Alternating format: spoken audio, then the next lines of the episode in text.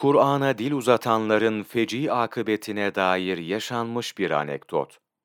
Kur'an ayı Ramazan-ı Şerif ayında, yakın tarihte olsun, uzak tarihte olsun, Kur'an'a veya Allahu Teala'nın indirdiği hak dine ve hakkı tutanlara karşı olanların feci akıbetlerine dair bir örnekten söz edeceğiz. Harf devriminin gerçekleştiği dönemde Latin harflerinin üstünlüğü konusunda açıklamalarda bulunan dönemin Milli Eğitim Bakanı Mustafa Necati Uğral'ın Konya'da düzenleyeceği konferans öncesi apandist patlaması sonucu ölmesi yıllardır ibretlik bir olay olarak anlatılır. Konya'da o dönemin tek gazetesi olan Babalık gazetesi başyazarı Haluk Nurbaki, Bay Necati ile ilgili bir anekdotu yazısında şöyle anlatır. Tarih 1928. Milli Eğitim Bakanı Necati Konya'ya gelmiş ve Latin harflerinin Kur'an harflerine üstünlüğünü anlatmak üzere hazır edilen konferans, şehrin her yanına asılan ilanlarla duyurulmuştur.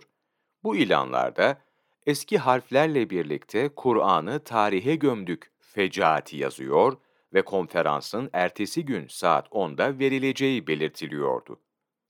Akşam bir ziyafet verildi. Yemekten sonra Bay Necati, ani bir apandisit krizine yakalandı. Hemen hastaneye kaldırılıp ameliyat edildi. Gösterilen itinayı anlatmaya lüzum yok. Bütün hastane ve bütün Konya ayaktaydı. Haddini aşıp Kur'an'a dil uzatan Bakan Necati, sözde kurtulmuştu.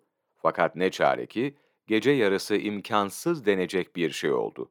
Bakan Necati'nin yatağı yan demirinden kırıldı ve hasta yere düştü. Ameliyat yeri patladı.